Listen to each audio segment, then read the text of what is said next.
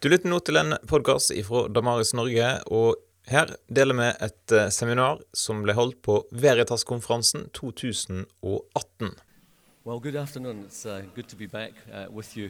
My role in uh, this afternoon's seminar, I guess, is just to be the warm up for John Lennox. Now, he doesn't need a warm up, except that the ideas that I'll be presenting to you, I hope, will leave you in no doubt about the importance of what he goes on to talk to us about, the days of Genesis 1. So I want to be fairly brief, but during what I'm uh, presenting to you, I'll also allow you to see two extracts from the new series, Fin is Good, and extracts that I believe are of particular relevance to what John will go on to talk to us about.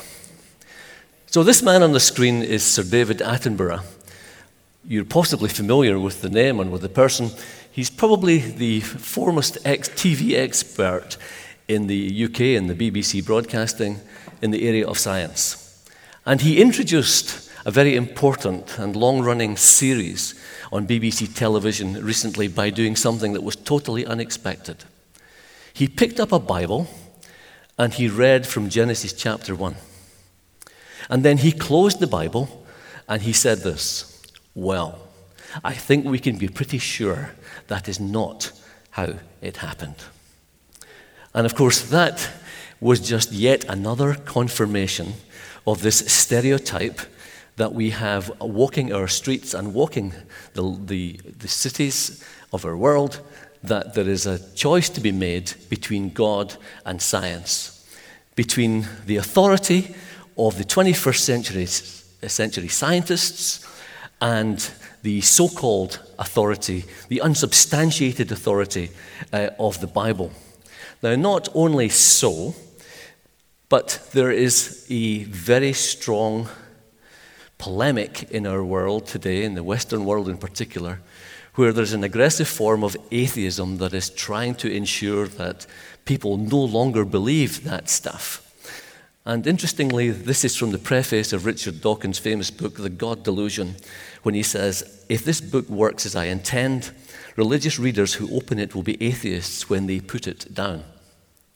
And so, some, to some extent, in response to that, the God Question series was produced with this question in mind Is there credible evidence that he exists? So it's not about Genesis in this case, it's about going back to a much more fundamental question than, than that, which is Is there actually evidence that we can find in science, not proof, but the finger of evidence pointing towards the existence of God? And of course, we believe very strongly that there is. And you know this already that the series has three journeys that it takes into the cosmos, life and evolution, and mind and consciousness. And I think that it's very likely, in fact, I know from my experience that it happens, that people viewing these programs conclude that the evidence for there being a mind behind the wonders that science reveals to us is pretty compelling uh, evidence indeed. So, for example, if you take that journey into the cosmos, you find things that are staggering, and it points to the involvement of a transcendent God. In, for example, information like this. Till the early 20th century, when astronomers looked out at the universe, they believed it had always been there. Apparently, they were wrong. Now science has unraveled a different and spectacular story, beginning 13.7 billion years ago with an extraordinary event the Big Bang. The universe started, first of all, with the Big Bang, which was this hot and very dense state. Scientists have concluded that before the Big Bang, everything that would ever be in our universe was crammed into an invisible, infinitesimal dot. Everything in our universe was wrapped up in this very small place, and then it grew. Was it chance? Was it God? Or was it an unknown law of science? That dot exploded.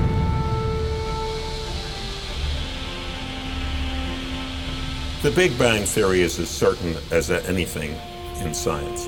I suppose nothing in science is ever mathematically certain, like 2 plus 2 equals 4. But it is the kind of certainty that simply makes it not worthwhile considering alternatives. In terms of where the Big Bang came from or what started it, what powered it, we don't know. And that really is genuinely difficult. Uh, we don't know.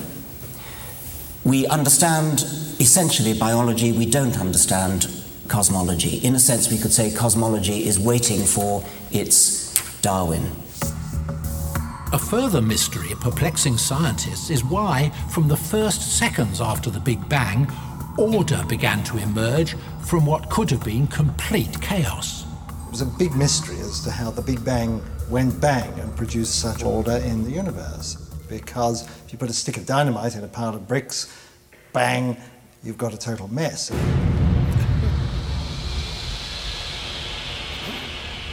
In this newly born universe, the laws of physics went immediately to work producing chemical elements that laid the foundations for life. Within three minutes, there was helium and hydrogen, vital for the development of stars. With stars, there can be light. With hydrogen, there could be water. With water, there could be life. What you see is something which is almost completely featureless, just hot gas, and yet now we have the extraordinary richness and diversity uh, of the galaxies and the stars, and all of this has developed since. Well, in just a couple of minutes, what a litany of amazing things that underpin our existence. And you think, in what respect does that put us into denial about God? Especially when a man like Richard Dawkins says, Well, we don't understand cosmology and you think, you know, the case for God is strengthening and strengthening, not in terms of God or the gaps, but in terms of the wonders that science is revealing about how all this took place. Can you imagine the drama of everything that would ever exist somehow being represented all those years ago in that tiny space, that, the, that little dot that you couldn't see that somehow led to the Big Bang and that scientists call a singularity? Hmm, I'm feeling good about the case for God, but wait a minute. What about that holy book of yours that says that it all happened in six days? Hmm. See, that's what David Attenborough has a problem with. Um, not so much the idea that there maybe was a mind behind this, it's what you're saying about the time scale. It's extremely important, and he's just not going to wear that. And it would appear that the Genesis days are putting us back into conflict with orthodox science. Well, does it or does it not? You can see where we're going with this and why those days are so important. Now, it becomes especially important when we come to the subject of life and evolution. You don't get Richard Dawkins professing any degree of ignorance when it comes to this topic. And basically, what is being claimed is that evolution is indeed essentially God's undertaker to coin a phrase, and that the question, the answer to the question, has science buried God, is absolutely. And evolution is the, is the undertaker. Now, of course, we have to address this in the God question series. And we do, we take it very seriously. I'm going to share just my second and last clip with you because you're here to hear Professor Lennox, not me. This clip will give you a little taste of how strongly an atheist feels about what evolution has done to the God story. In the science religion debate, no factor raises the temperature more than the subject of evolution, often presented as a stark alternative to God. Evolution is by far and away um, the thing that makes people nervous because it deals with our favorite species, right? So naturally, uh, if I'm telling you, no, no, I'm sorry, you, you, you, weren't created out of the mud like that, ex nihilo, you actually evolved from common ancestors of the monkeys and apes. Whoa, that makes people a little nervous. That's why the theory of evolution becomes so important, right? Because it appears to be an attack on the story of creation. For atheists, there appears to be no better weapon to derail belief in God than evolution. Do atheists need evolution? Uh, yes, yes, yes. Without Darwin, we would have all this brilliant design in the biosphere and no accounting for how it got there. with Darwin, we can have a thoroughgoing naturalism. There's nothing supernatural about it. The very conception of God has been muscled off the scientific playing field. And that's what the program has to take on. Is that true? Does evolution muscle God off the scientific playing field? Well, perhaps would appear to do so unless we can offer some reasonable interpretation of the Genesis timescale, if we can. Evolution does raise all sorts of theological questions. Here are just some of them, and we can't uh, deal with those this, this, this, afternoon, but there are issues uh, that have to be faced. And one of the central issues, of course, the central issue, I would say, is how to interpret the days of Genesis. John Lennox, I think you've got something to say on this.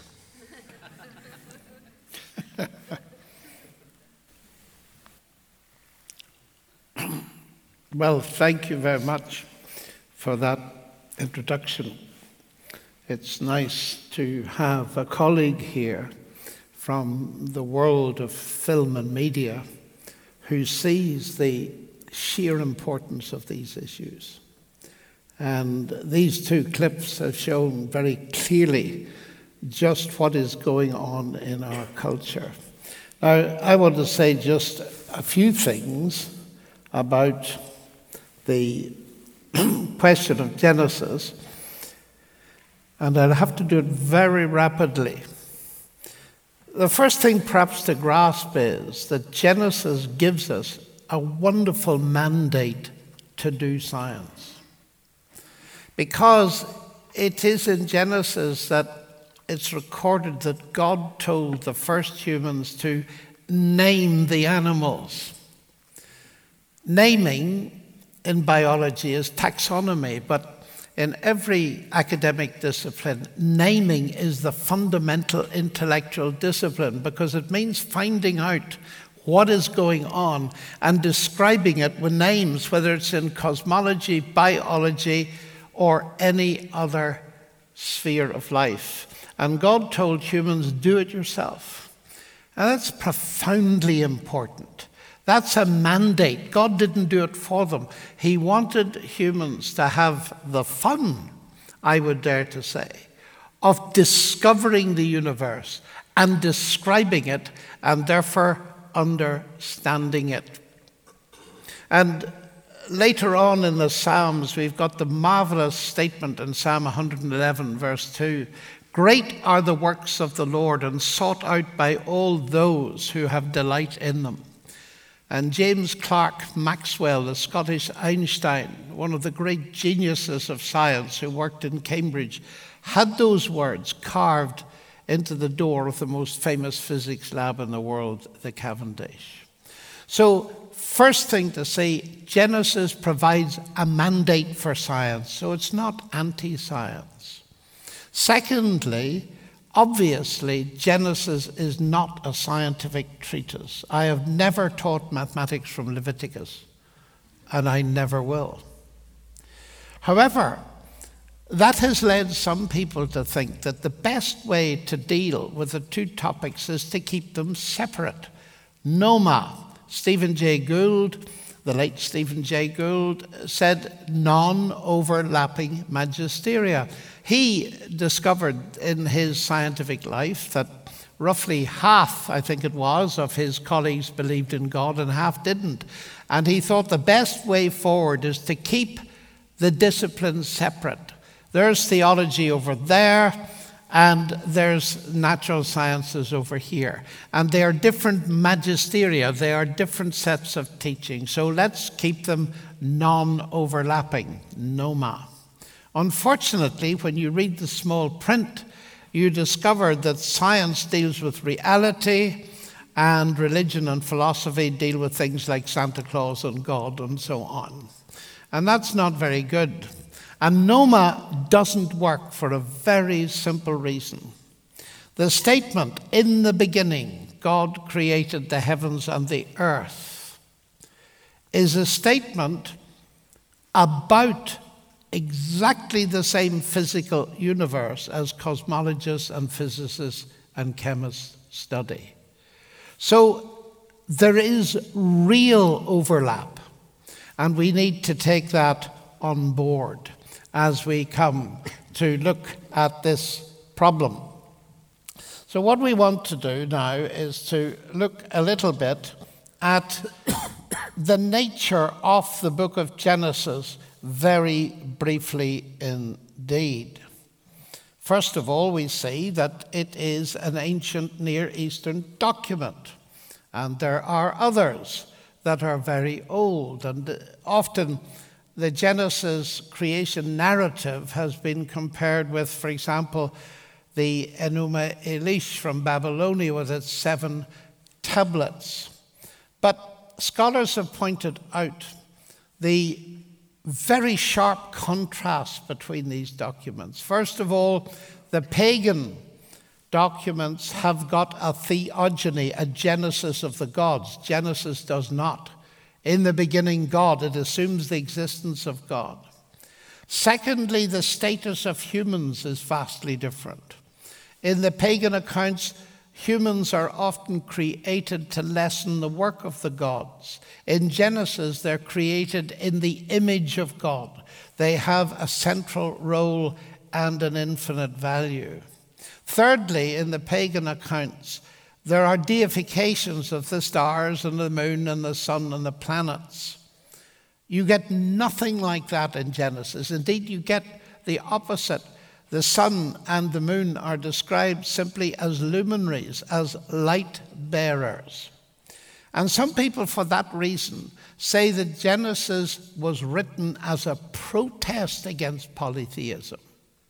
Well, I wouldn't perhaps go that far, but I would say it functions as a protest against polytheism. Very clearly so, in that it proclaims the existence of one creator God who is distinct from the universe that he created. And that is very important indeed because the gods in the myths are all, both in the ancient Near East, Egypt, Rome, Greece, in those mythologies, the gods are all derived from the universe. In the biblical revelation, God created the heavens and the earth. So you cannot compare the God of the Bible in any sense with the gods of the ancient Near East. And it's good to read some stuff by people like Professor Ken Kitchen uh, of the University of Liverpool, an emeritus professor who says this the attempts made in the past to establish a definite relationship between Genesis and Babylonian epics, such as Enuma Elish, have now had to be abandoned. In content, aim, theology, and philology, there is divergence and no proven link. So, how then are we going to um, interpret Genesis? The first thing to be said is the most important. As I travel around the world, I meet Christians of very many different viewpoints. But restricting myself to conservative Christianity, I meet many people who believe in God as creator and upholder of the universe. They believe in the pre existence of Christ. They believe in the incarnation of God in Christ. They believe in the miracles that he did. They believe in his atoning death. They believe in his resurrection. They believe in his ascension. They believe that he's coming again. But they disagree about Genesis 1. Now, what does that mean? It means there appears to be space for divergence of opinion among equally convinced believers, equally convinced and having a high view of inspiration. So, the number one tragedy in the evangelical world is Christians publicly fighting about interpretation of Genesis in a most unchristian way and making the whole Christian message laughable in the eyes of a world that doesn't care tuppence about the Genesis days. So, we need to learn how to behave I say we. I'm not accusing you of anything. I'm just saying this is the way it is perceived. That's the first point. We show our Christian grace by being open to possibilities because it's clear there must be possibilities. And when you begin to look at it, it's very easy to see why. Because for centuries, people have had different views of Genesis.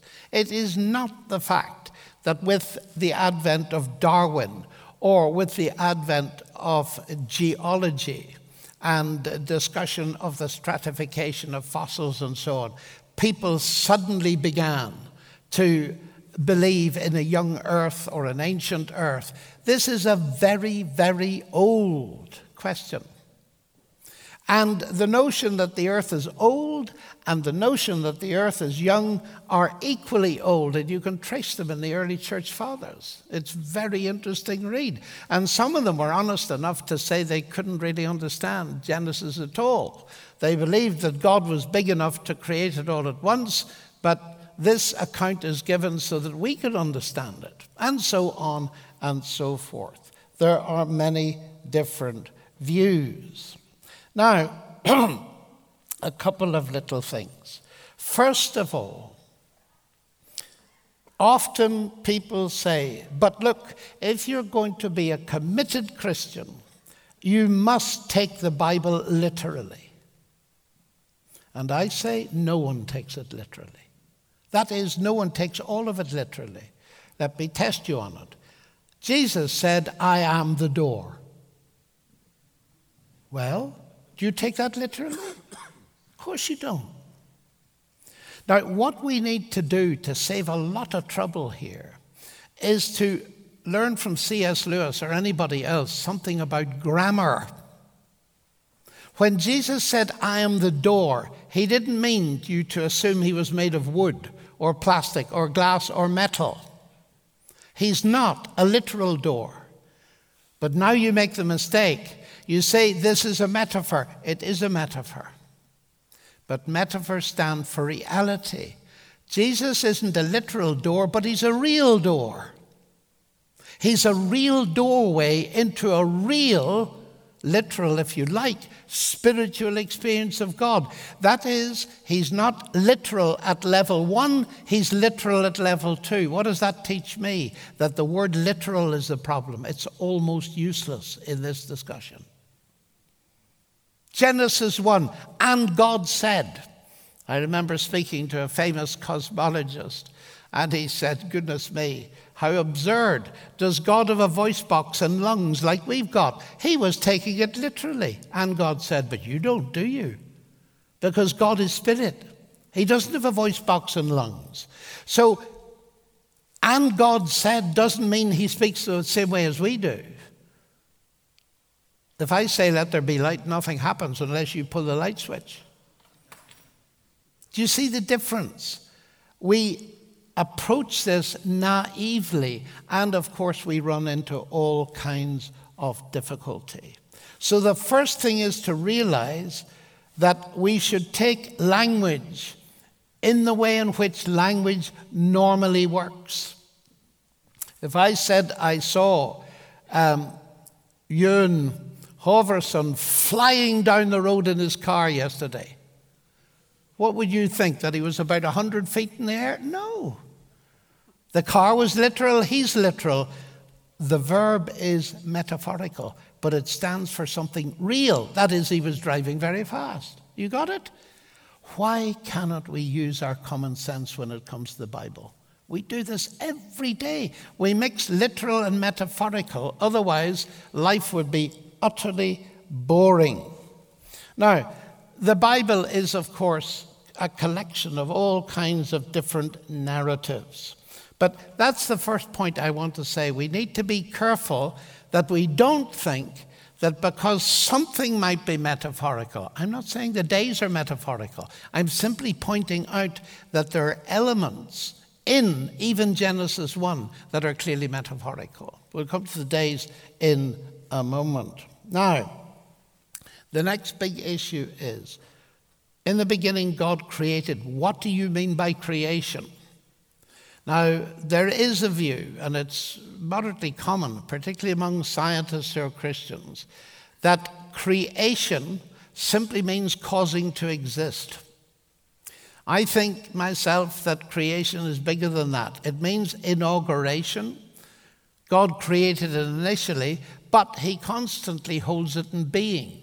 In Him all things consist. The Bible predicates both possible meanings of the word creation to Christ Himself. Now, the next basic thing is the fact of creation is vastly more important than the manner of creation and the timing of creation. Have we got that? It's far more important to believe there is a creator than to know when it was done or exactly how it was done. Nobody knows how it was done. So let's get our sense of proportion right. Otherwise, we can look very silly. So we've had a little bit about metaphor and reality, and we could go back to the reformers and we could talk about the literal interpretation of the Bible. But they didn't mean literal in the literalistic sense, they meant the common sense interpretation. You move up the levels until you get one that makes sense. Now, what about interpreting the Bible and science? And people say sometimes, are we not in danger of using the Bible to interpret science? Sorry, science to interpret the Bible. And we're therefore giving science a greater authority. You use science to understand the Bible all the time, don't you?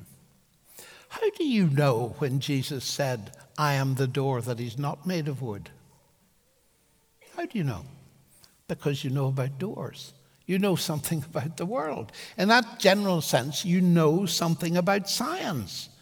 And knowing things about the natural world, that helps you to interpret Scripture and not make silly mistakes.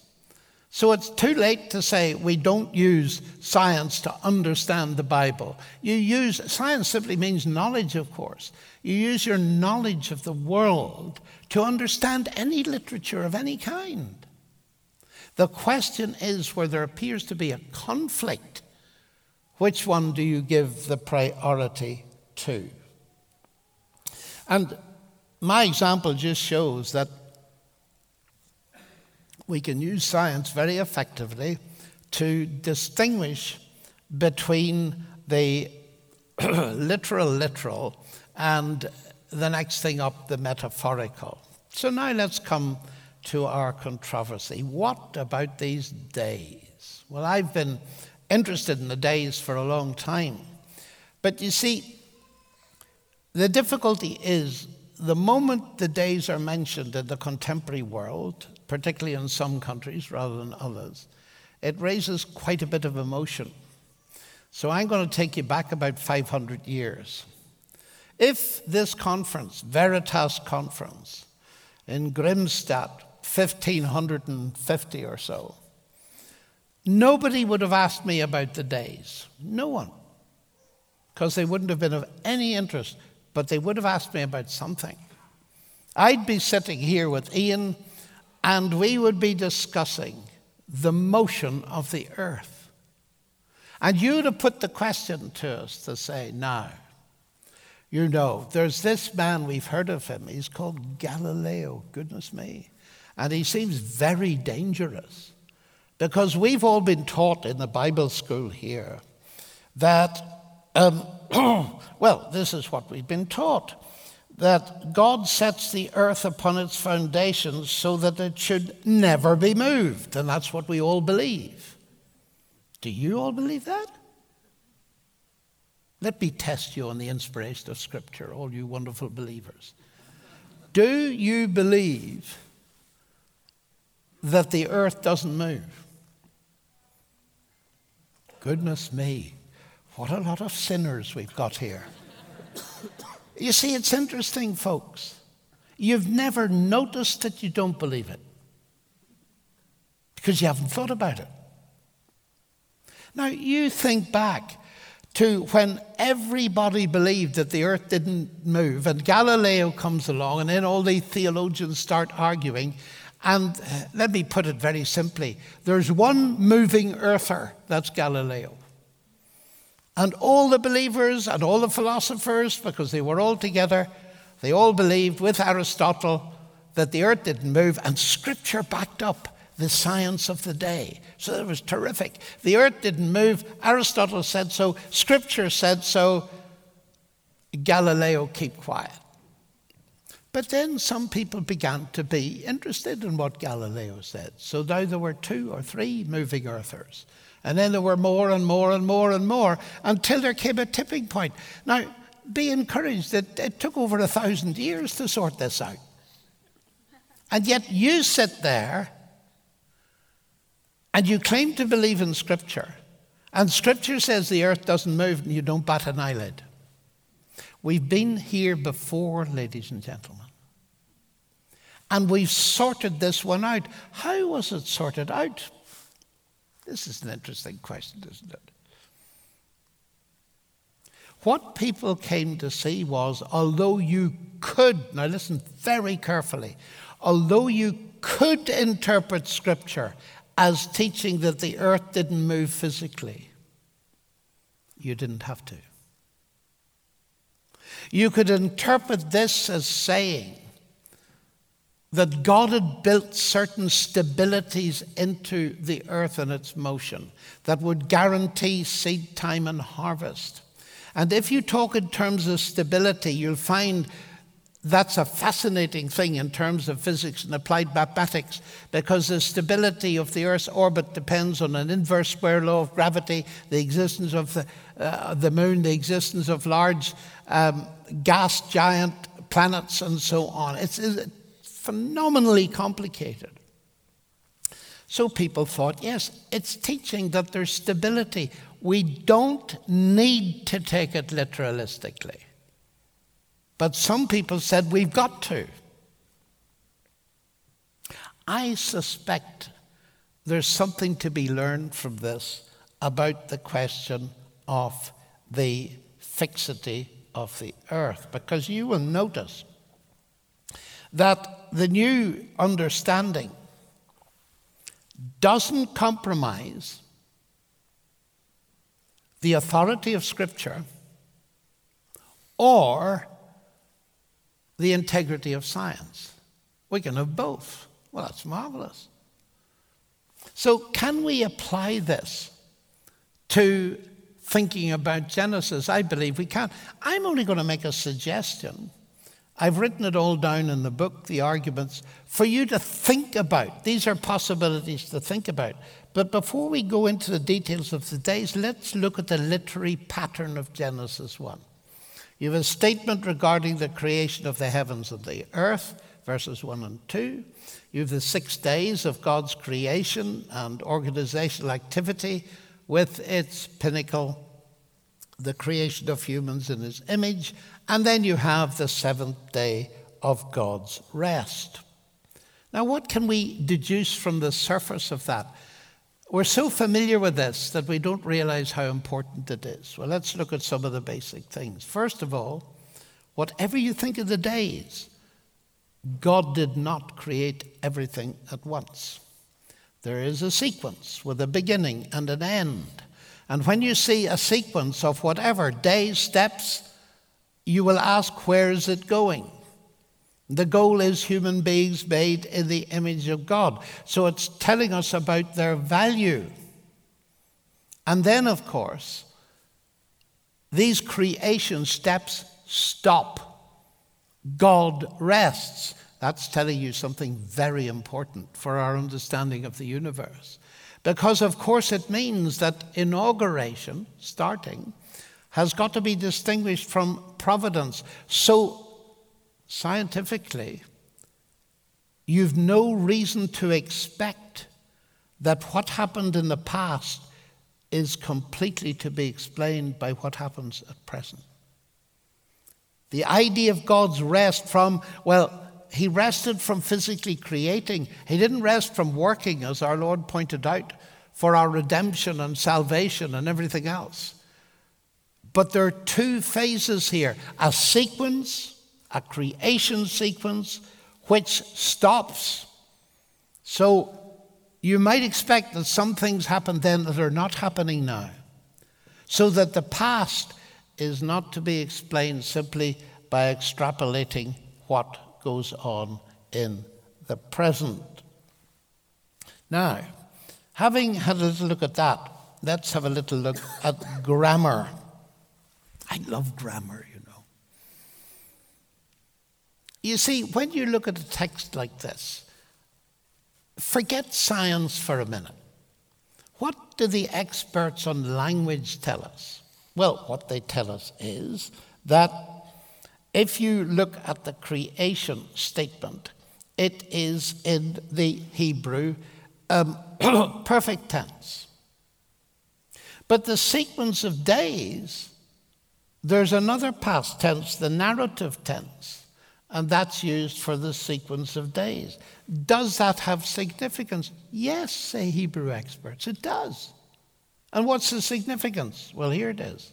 This is Jack Collins, scientifically trained, one of the top Hebrew scholars in the world, who is always worth reading on these things.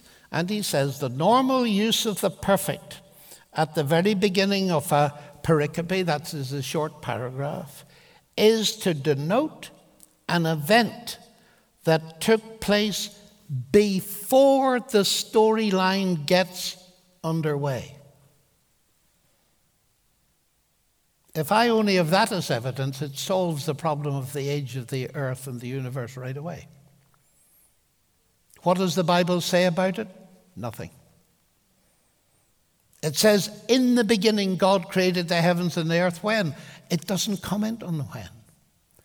Now, you see, we read it too quickly. The statement, In the beginning, God created the heavens and the earth, is not day one. All the days begin with, and God said. It doesn't occur at the beginning of Genesis, and God said, let there be a universe. Did you notice that? This is very carefully written stuff. So I repeat, I believe exactly what this says. In the beginning, God created the heavens and the earth. When was that? I have no idea. It may well be 13.7 billion years ago, for all I know. It may well be. Why not? And then there's a sequence of days. Now, here comes the rather sad irony of this. No matter what you believe about the days, they have nothing to do with the age of the earth. Odd, isn't it? You see, there's a beginning and then there's a sequence.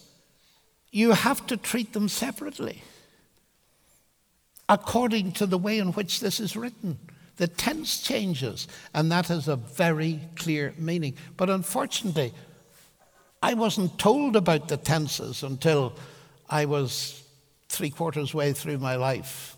That is, if I lived to be about 150. Um, I wasn't told about these things. And I would just suggest to you that all this fighting about the age is utterly unnecessary. I can believe this. It fits in if you wanted to. You don't have to have a conflict between the age of the universe as calculated by the cosmologist. They will probably change their ideas. But pushing a conflict where there isn't one that's necessary is a very risky thing because it brings the gospel into disrepute. How many young people have been put off the gospel by having a church tell them they've got to believe that the earth is young. When the Bible doesn't say it, that's a very dangerous position to be in. And by the way, there are different ages to be distinguished. The age of the universe, even in the Bible, the age of the universe is not the same as the age of the earth, and that's not the same as the age of human beings.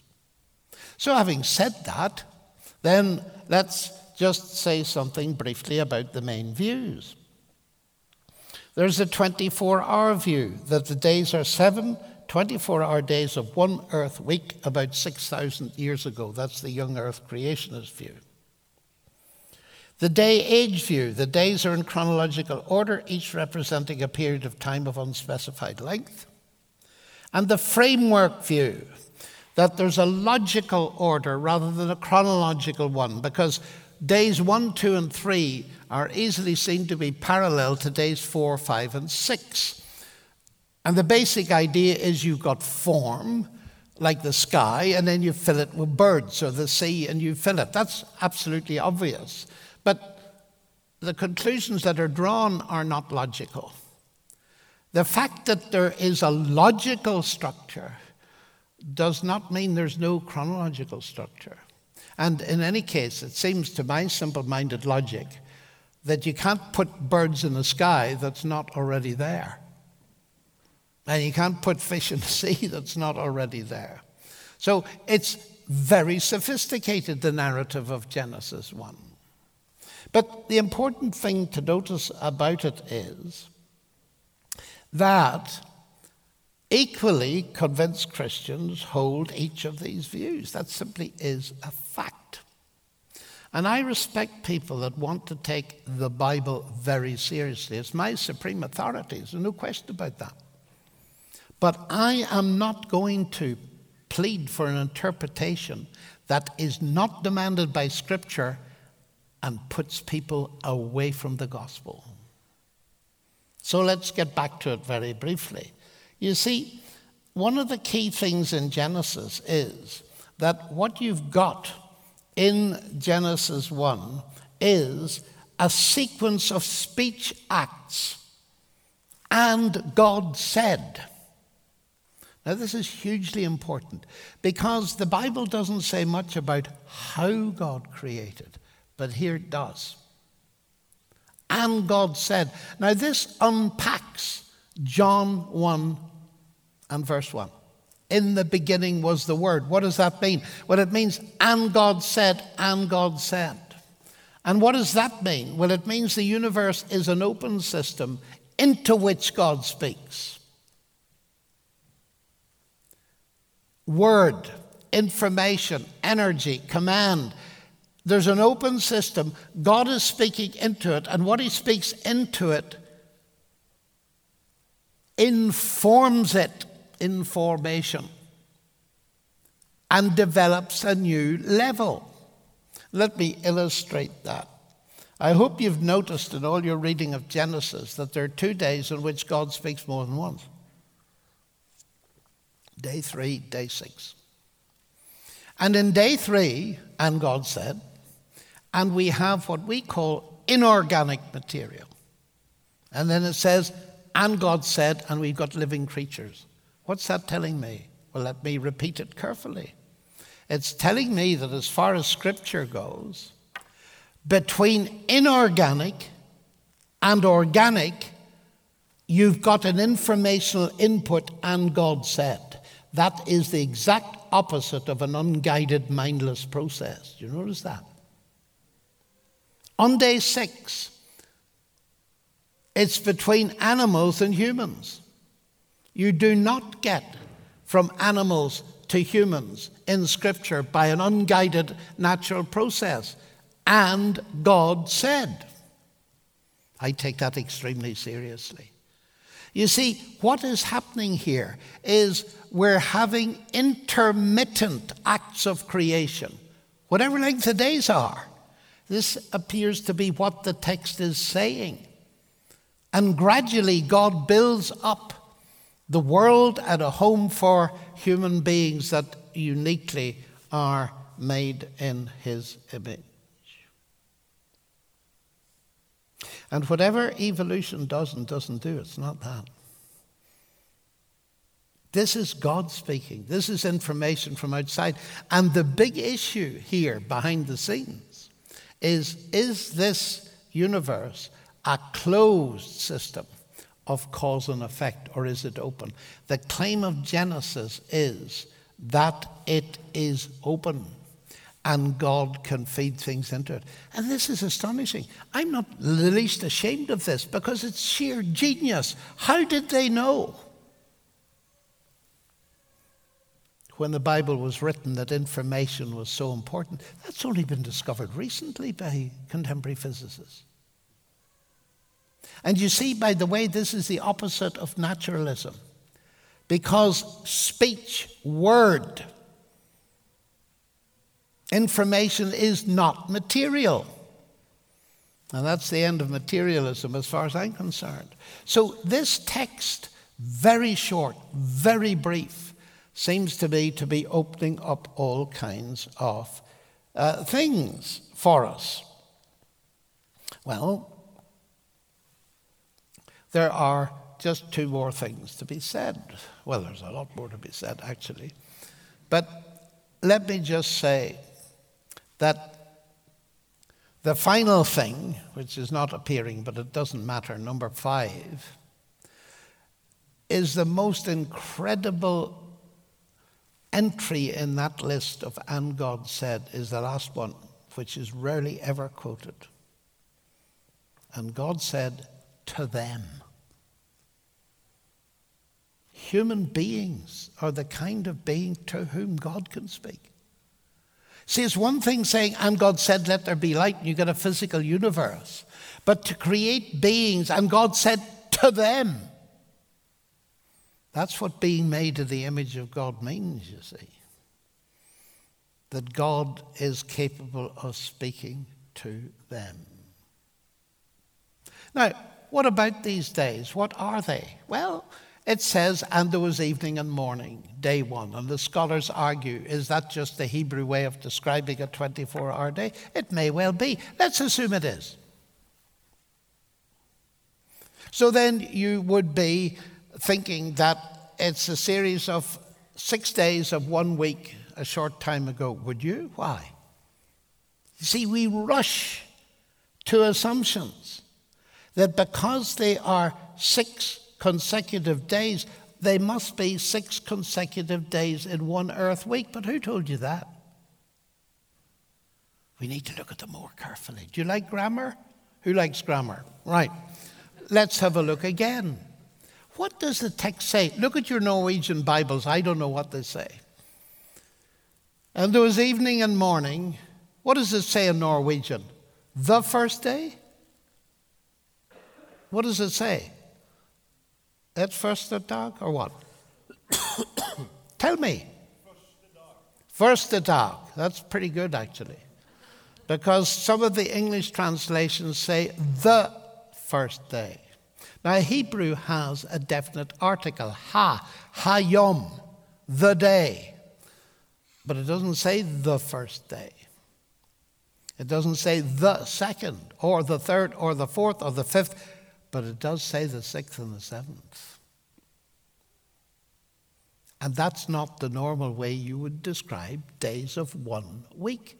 You'd either have them all without an article, first attack, and so on, or you'd have them all with the article, the. But you wouldn't mix them. And this gives another logical possibility. Why the sixth and the seventh? Well, I suppose the obvious reason is these days are very special. The sixth day is the day of the creation of human beings in God's image and is the climax, and the seventh is the day of God's rest. That is a reason for changing. But now think with me for a moment. I wouldn't die for this, although some of you might want me to. But anyway, I wouldn't die for this. The logical possibility is you've day one. How long is that? Well, let's say 24 hours. And then there's day two. When is that? After day one. How long after day one? The text doesn't say. And so on. Because the text is talking about days of creation. And presumably, when you see what happens on each day, it took rather a long time for it all to settle down and work out. Now, it could be much more sophisticated than that.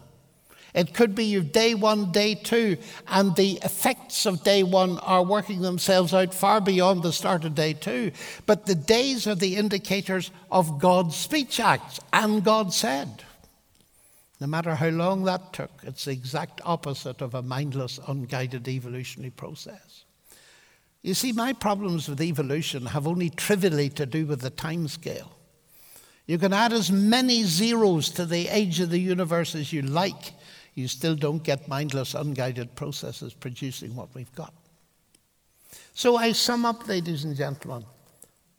I'm fully convinced of the inspiration of Genesis 1. In fact, I think it's one of the most important pieces of literature and information that we need for today.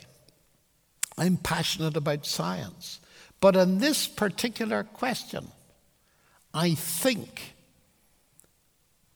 that the text of Genesis itself grammatically makes it perfectly clear that there is a range of possible options. The important thing is to believe that God did it. And finally, the question people say, but what about the Big Bang? And here again we have false choice God or the Big Bang. But that is a totally false choice. The Big Bang is a name given to the beginning by Fred Hoyle, who didn't like the idea there was a beginning. It was a joke. You're a Big Bang. And if scientists say, we'll describe the beginning as a Big Bang, I say that's fine. It was a Big Bang caused by God. The idea of the Big Bang is no argument against God whatsoever, it's an argument for God. Big Bang, let me repeat, is simply a label on a mystery. Okay, that was a very rapid summary of a little book that's now in Norwegian. And I'd like to say something just finally about the book. It was written for North America, where I met many young Christians who were in agony because they loved their science and they were told by their churches that they weren't Christians if they didn't accept the young earth view. And so they left the church or they left Christianity. And I met dozens of them. So I wrote my book, and it's a peculiar book because it's written for a particular audience. The most important part of the book for you is the series of appendices at the back where I deal with big questions like the one that Ian listed on the screen. What about death before the fall? That kind of stuff. What do you make of theistic evolution? And so on. And I've tried in a series of appendices to have a serious look at a lot of views. And I've put the days up front. I would not have written it like that, but then I'm a Brit, and that's just the way I am. So I hope that's made a little bit of sense. I have no intention to deliberately offend anyone. But when you see equally godly, convinced Christians of the basic doctrines of Christianity and they differ for you on Genesis, have the grace to look carefully if your view is hindering the gospel. It would be terrible if you put somebody off Christianity because of your insistence of sticking to a view that the Bible doesn't necessarily support. Now, I say you can interpret Scripture as saying that the earth is young. You can. You're free to do it. But you don't have to. Thank you very much.